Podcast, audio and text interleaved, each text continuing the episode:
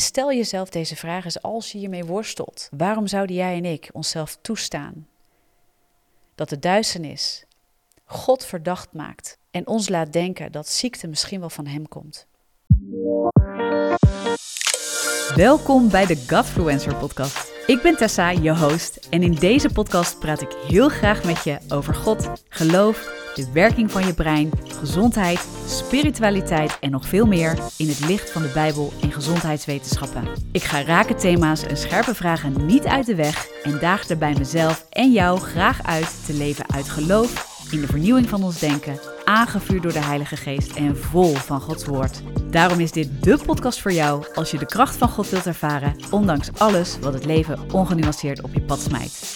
Dus ik zou zeggen, let's go Godfluence your world. Hey, welkom bij een nieuwe Crush Your Day. Hier op de Godfluencer podcast als je zit te luisteren of op YouTube als je zit te kijken. Zorg ook even dat je op je favoriete kanaal geabonneerd bent. En als je kijkt via YouTube, klik op de bel, zodat je altijd een melding krijgt als er een nieuwe aflevering online komt. Nou, en vandaag wil ik weer eens met je induiken op een vraag die ik uh, recent kreeg via de socials over genezing. En ik was in mijn vakantie, had ik een vraag eruit gedaan, een, sticker die je kan beantwoorden op, uh, op de stories van Instagram, uh, onder andere, en op de stories van Facebook, met de vraag die iemand aan mij had gesteld. Dus ik had Ask Me Anything en mensen konden vragen invullen en iemand had mij de vraag gesteld, geloof jij in genezing? Geloof je dat Jezus altijd wil genezen? En als ik die vraag zo zou beantwoorden zonder veel uitleg, dan zou ik zeggen: ja, ik geloof altijd, of ik geloof dat Jezus altijd wil genezen. Daar zit nog geen context omheen, nog geen verdere toelichting, geen uitleg, maar dat antwoord doet heel veel bij mensen. Er zijn heel veel mensen die beamen dat en die vinden dat gaaf en die vinden dat mooi en die geloven dat ook. Maar er zijn ook mensen die hier enorm mee worstelen met zo'n uitspraak. Wat heel veel associaties oproept, wat heel veel vragen oproept, wat ook pijn kan oproepen voor mensen die misschien wel uh, heel erg in geloof hebben gestaan, God hebben vertrouwd voor genezing, maar daartegen aan zijn gelopen dat ze het niet tot stand hebben zien komen, al jaren worstelen met een ziekte of, of met problemen en het moeilijk zijn gaan krijgen vast te houden aan dat geloof en vertrouwen dat Jezus inderdaad zou willen genezen. En dan de vraag gaan krijgen waarom God dat nog niet gedaan heeft of wat er in de weg zit. Uh, en op een gegeven moment op het punt komen, maar wil God dat dan wel? Wil God mij wel genezen? Is er een andere reden dat ik niet genees? Ligt het aan mijn ongeloof? Uh, doe ik iets fout? Weet je, er gaan natuurlijk allerlei vragen opkomen. Zodra we eigenlijk een beetje dat vuur kwijtraken, die worsteling heel reëel is. En de pijn van, van dat ding, hè, de ziekte waarmee we, waarmee we worstelen, heel erg in, in, in beeld blijft, heel erg uh, hard schreeuwt in je leven, om het zo maar eens te zeggen. Dus ik snap ook dat het heel veel vragen oproept. En ik dacht, weet je, ik neem eens de tijd om hier gewoon eens met je over in gesprek te gaan, als het ware. Juist door dat ik ook echt wel iemand kreeg die eigenlijk antwoordde: Oh ja, weet je, geloof jij echt in genezing? Nou, ik worstel hier al wap 20 jaar mee en the pain is real, zeg maar. En ik snap zo'n verhaal. Ik heb zelf geworsteld met depressie. Elf jaar lang. Zeker elf jaar lang. En dat werd voor mij op een gegeven moment ook zo'n vraagstuk. Nou kan ik heel veel redenen gaan noemen waarom dingen wel of niet gebeuren. Maar waar ik eens met je naar terug wil, heel simpel, is wat er bij mij gebeurde dit jaar toen ik daar opnieuw over aan het nadenken was. Ook voordat ik deze vraag dus um, nou ja, zo durfde te beantwoorden. En ook volmondig kon zeggen: Ik geloof dat Jezus, dat God, altijd wil genezen. En natuurlijk komen dan de, de vraagstukken, ja, maar het gebeurt niet altijd. Of God doet het niet altijd. dus dan leggen we het heel erg bij God. Maar God doet het niet altijd, want ik ben niet genezen. Of want ik heb het niet zien gebeuren. Of want die en die persoon is toch overleden aan die en die ziekte. Maar de vraag is of dat zo is. Of het bij God ligt of dat het ergens anders ligt. Maar ik wil je dit meegeven, want ik wil daar echt nog een keer uh, wat dieper op ingaan. Maar het is een heel gevoelig onderwerp en ik wil daar ook discreet mee omgaan. En toch wil ik er ook vanuit geloof, vanuit het woord mee omgaan. Zonder nu in deze aflevering gelijk allemaal bijbelstukken erop te klappen en allemaal redenen te noemen uh, waar het wel of niet aan kan liggen. Ik wil gewoon eens met je naar de persoon Jezus, naar de Zoon van God. Want dat is wat bij mij een soort, ja, kan ik het, kan ik het zeggen, een nieuwe openbaring bracht. Um, onder andere ook dit jaar. Ik, ik heb altijd wel geloofd dat Jezus geneest, dat hij altijd wil genezen. Maar ik worstelde misschien net als jij met heel veel vraagstukken. Waarom dingen wel of niet gebeuren. En ik kan dan voor mezelf beantwoorden van nou, ik weet dat God het kan, ik weet dat God het wil en ik weet dat God het doet. Ik weet alleen niet waarom het niet altijd gebeurt. En het gevaar daarvan is dat ik het uiteindelijk terug ga leggen bij God. Wil God het misschien toch niet? En doet God het misschien dan toch niet? De andere kant is dat we het heel erg kunnen gaan leggen bij ik zal wel niet goed genoeg geloven en er zal wel wat mis zijn met mij. Of, nou, noem het op. Die stukken wil ik een beetje uitblijven. Voor nu, voor deze aflevering. Waar ik je mee naartoe wil nemen is wat bij mij heel erg begon te dagen. Ik heb heel veel verschillende doctrines erover gehoord. Mensen die zeggen op grond van het woord van God is dit wat ik erover uh, over te zeggen heb.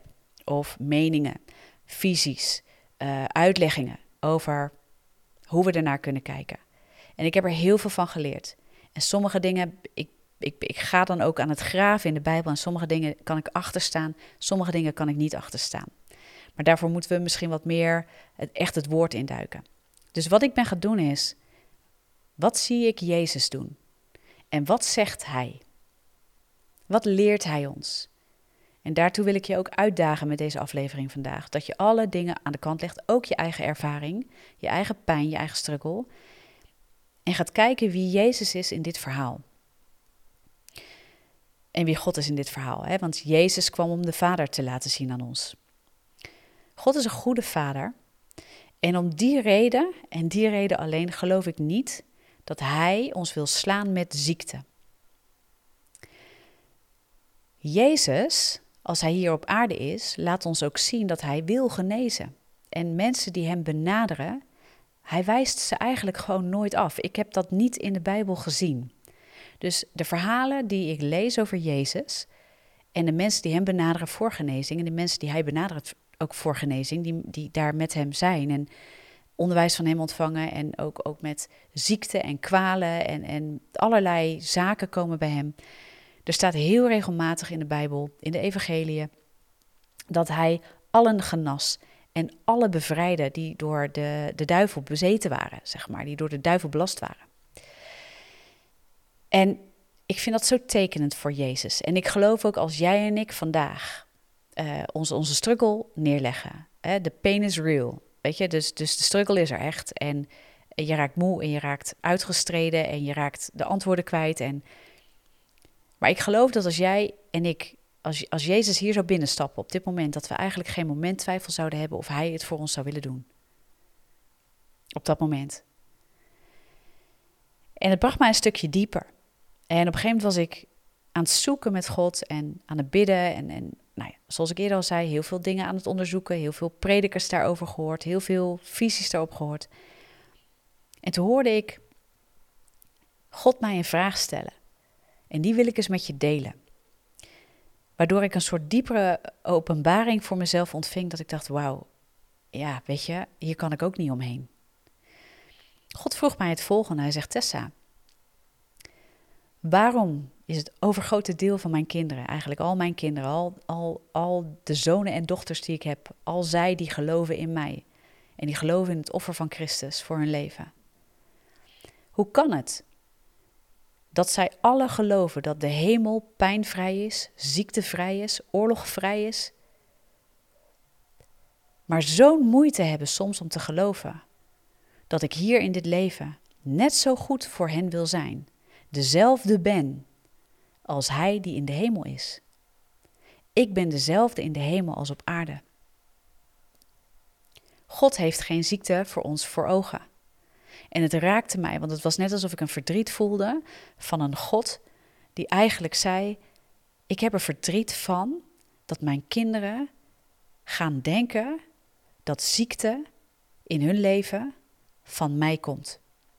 Ik heb dat niet voor mijn kinderen zo bedoeld. Ik heb dat niet überhaupt voor mensen bedoeld. En het raakte mij. Want ergens wist ik het al, en ik word er nu zelfs weer emotioneel van. Ergens wist ik het wel, was ik wel van overtuigd, maar het gaf een diepere lading toen God deze vraag aan mij stelde. En stel jezelf deze vraag eens als je hiermee worstelt. Waarom zouden wij, kinderen van God, toestaan, toelaten dat de duisternis die dit soort dingen uitwerkt door de zondeval, zijn we onder, hè, we zijn door de zondeval in een gebrokenheid gekomen. Waar zonde werkzaam is, waar ziekte werkzaam is, maar wat in de oorsprong niet van God is. Waarom zouden jij en ik onszelf toestaan dat de duisternis God verdacht maakt en ons laat denken dat ziekte misschien wel van Hem komt? Dat raakte mij diep en ik hoop dat het je gewoon eens aanmoedigt en bemoedigt en aanvuurt om eens even alles aan de kant te leggen als je hiermee worstelt, naar God gaat en tegen jezelf ook durft te zeggen: in de hemel is het er niet. En waarom help mij alsjeblieft, als je hiermee worstelt, kun je hier ook mee naar God gaan. Help mij alsjeblieft om uw visie, uw hemelse realiteit ook te zien voor mijn leven. En dat ziekte niet van u is, maar een aanval uit de duisternis. Het komt ergens uit de zondeval. En dat je ook durft te bidden, Heer, herstel mijn denken ook, vernieuw mijn denken ook. Dat mijn ziel wordt opgebouwd vanuit mijn geest, een hernieuwde geest, en je bent een nieuwe schepping. En dat, dat mijn ziel ook weer onderwezen wordt in wat u in de hemel eigenlijk ook heeft neergelegd. En zoals Jezus bidt, en dat vond ik mooi, dat, dat liet God me in diezelfde vraag zien. Jezus bidt niet voor niets. Laat het op aarde zijn zoals in de hemel. Jezus heeft voor ogen dat wat God in de hemel heeft voor ons, dat dat ook in onze levens hersteld wordt. En ja, ons lichaam is nog niet verheerlijkt. Weet je, we hebben nog geen verheerlijkt nieuw lichaam. Dus gevechten van de duisternis in deze wereld worden ook in ons lichaam nog uitgevochten, worden ook in ons denken uitgevochten. 2 Korinthe 10, vers 4 en 5 wijst ons er ook op dat onze mind is een, is een oorlogsgebied waar de dingen van de duisternis proberen ons aan te vallen. Maar onze lichaam, ja, het is ons denken, onze hersenpan, letterlijk onze hersenen zijn ook een deel van ons lichaam. Het is ons denken, uh, onze ziel is getraind in, in allerlei zaken dus ook in onwaarheden die wij door ervaring en gevoelens en door letterlijk dingen in ons lichaam die wij voelen, ook zijn getraind. Maar God wil jou mij leren, mijn liefde is echt veel groter dan dat. En ik heb geen ziekte voor jou voor ogen. Wat niet maakt dat we daar niet mee te strijden hebben. En natuurlijk kom je dan in, in, in een mogelijk conflict met jezelf. Ja, maar dan ligt het dus aan mij. Uh, en en dat, dat er schuldgevoel op je kan komen en dat je daarmee worstelt. En dat snap ik.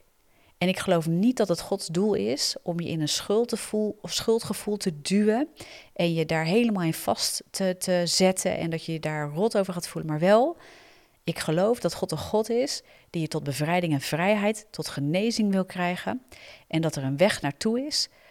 Soms zijn er, hè, er zijn echt momenten waarbij uh, door bevrijdingsbediening of gebed, genezing, uh, gebed voor genezing, dat in een instant, in een moment zijn mensen genezen, die getuigenissen zijn daar, zelfs dusdanig, ik heb ze ook meegemaakt in mijn eigen leven, dat artsen dat zelfs bevestigen. Weet je, steeds meer en meer, ik heb het ook, ook dat ik voor mensen heb gebeden en dat ik die getuigenissen met je kan delen. Die zijn er. En dat, dat is fantastisch. Maar er zijn ook mensen die doen er soms ettelijke jaren over. Ja, ik heb ook mensen waar ik voor heb gebeden en die zijn overleden. Die zijn niet tot genezing gekomen, althans niet zichtbaar, niet in, in een zichtbare, voelbare, realistische vorm hier in het natuurlijke. Dus het is een worsteling. Ligt het aan God? Nee, dat geloof ik niet. En daar zit nog een hele uitleg aan vast. En daarom wil ik daar niet te veel nu op ingaan. Maar ik wil ook wegnemen dat je gelijk denkt: oh, maar als het niet aan God ligt, ligt het dus aan mij. En dat je in een schuldgevoel komt. Want daar is de duisternis ook goed in, om ons gelijk wap in een schuldgevoel te duwen. Maar dat er een weg uit is en dat ik je mag uitnodigen van: hé, hey, ziekte is niet van God. Als ik kijk naar Jezus, hij wil genezen. Dan is daar dus een weg naartoe. Dan is er iets te leren, dan is er in te groeien, dan is er in te ontwikkelen. En is de struggle dan real? Is de pain real? Ja. De pijn is echt, je ziekte is echt, dat hoef je niet te ontkennen. Maar je mag het gaan plaatsen op een plek waarvan je zegt, weet je, in Jezus, Jezus wil mij alles geven. Jezus, in Hem heb ik genezing eigenlijk al ontvangen. Ik strijd alleen nog met dit ding. Het is er nog en ik moet het nog achteruit drijven. En hoe ik dat moet doen, dat weet ik misschien nog niet. En ik heb mensen nodig van geloof, mensen die me helpen om geloof te bouwen. Er zijn zoveel Bijbelteksten die opbouwen en die, die spreken over genezing, waar Jezus laat zien wat zijn wil is voor jou. En door je daarin op te bouwen en daar je denken te vernieuwen, geloof ik ook dat het een onderdeel is, dat het mede een sleutel is om genezing steeds meer ehm, ja, eigenlijk werkelijkheid te zien worden en de duisternis achteruit te drijven. Het is misschien een bold statement die ik maak, maar ik zie dat het woord van God ook bold is. Ik zie dat Jezus bold is. En dat hij ook zegt, hè, door, je geloof ben je, door uw geloof bent u genezen. Er is dus iets met dat geloof in ons. En dat hij ook zegt, hè, door ongeloof of door klein geloof is er een belemmering. Dus dat doet hij niet om schuld bij je te leggen, maar wel om je wakker te maken en te zeggen: er is meer voor jou. En je hoeft je niet te laten overtuigen dat dit dan het eindstation is en dat ik dat niet zou hebben voor jou. Ik heb het wel voor jou. De duisternis wil je alleen wat anders laten geloven. En dat kan die omdat hij zo krachtig uh, onze zintuigen weet te bespelen en op onze zintuigen inwerkt. En je hoeft niet um, alles te overschreeuwen. Ik heb het vaak ook over emoties, dat je die niet moet overschreeuwen. Dus je hoeft je ziekte niet te overschreeuwen. Maar net als emoties mogen we die een plek gaan geven waarvan we, waarvan we zeggen: hé, hey, maar jij komt niet van God. Dus ik moet wat anders met jou. Dat is eigenlijk waartoe ik je wil aanmoedigen. Toen ik simpelweg naar Jezus keek in het woord van God, zonder allerlei doctrines, maar gewoon puur naar Jezus, als ik zie wat hij doet, wat hij zegt, wat hij leert aan zijn discipelen. En dat hij ook leert aan zijn discipelen: hè, uh, ga, ga de wereld in, uh, maak de volken tot mijn discipelen en leer ze alles wat ik u geleerd heb. Alles. Dus ook bevrijding, ook genezing. Leer ze alles wat ik u geleerd heb. Ja, daar stuurt hij zijn discipelen mee uit.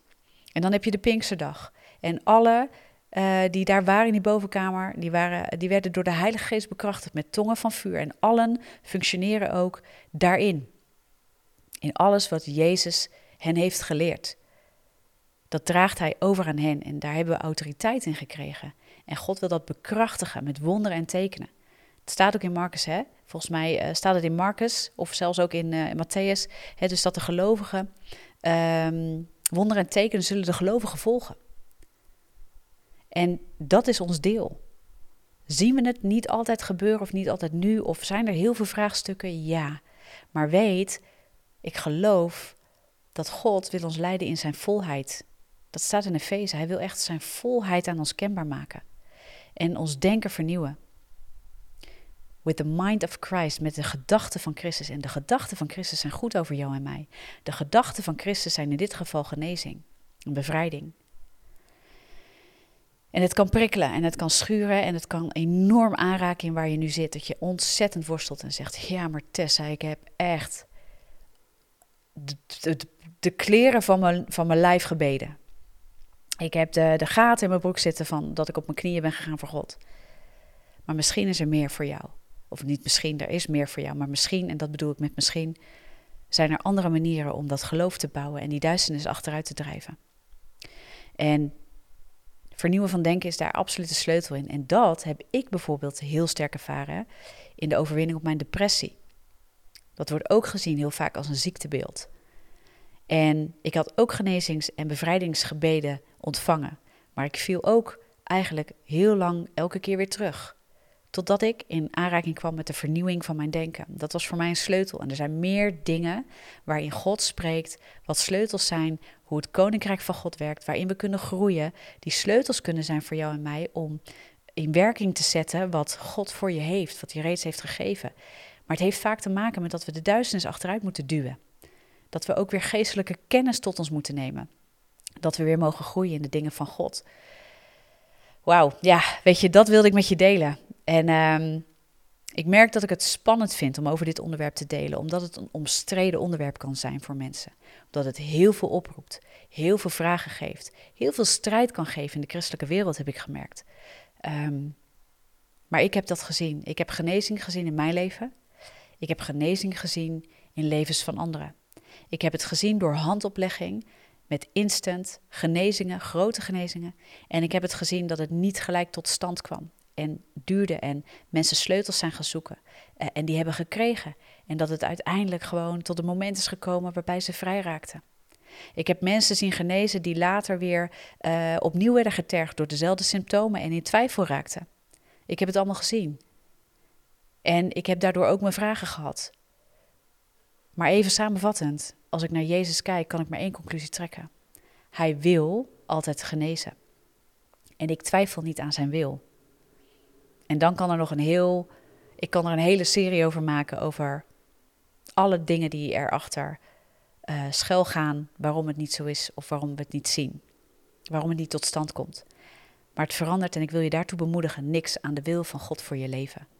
Maar Satan probeert te roven. De duivel probeert te roven ons geloof in dat soort dingen. Het geloof dat Jezus dat voor je wil en kan en doet en reeds heeft gedaan aan het kruis, heeft hij reeds zijn leven geofferd, hele dure prijs betaald voor jou en mij om te ontvangen wat in zijn wil reeds is. We hebben hier alleen nog wat uit te vechten op deze aarde. In de hemel is alles oké, maar in, op deze aarde hebben we het nog uit te vechten. Maar zegt Jezus, het koninkrijk is reeds gekomen. En in de Heilige Geest stort Hij dat koninkrijk ook in jou en mij uit en kunnen we daarin wandelen. Dat is soms nog een moeilijk te vatten gebied in ons hoofd. Weet je, omdat we zo voelen in ons lijf en in, in onze emoties. Ik hoop dat je bemoedigd bent. Ik hoop dat als je veel vragen hebt, dat je gewoon eens de rust pakt om Jezus te gaan bestuderen. Leg alles aan de kant, leg je ervaring aan de kant, leg alle doctrines, alles wat je hebt geleerd aan de kant. Pak de evangeliën, pak handelingen en leer wat Jezus ons daar te vertellen heeft. Gewoon op dit onderwerp.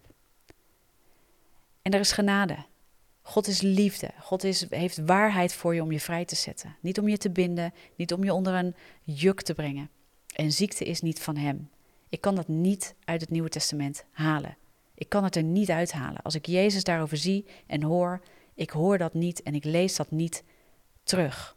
Nergens zegt hij: Ik genees je niet, want dit heb ik eigenlijk voor jou zo bedoeld. Nergens lees ik dat. Nergens zie ik dat. Het hart van Jezus is dat je vrijkomt en geneest.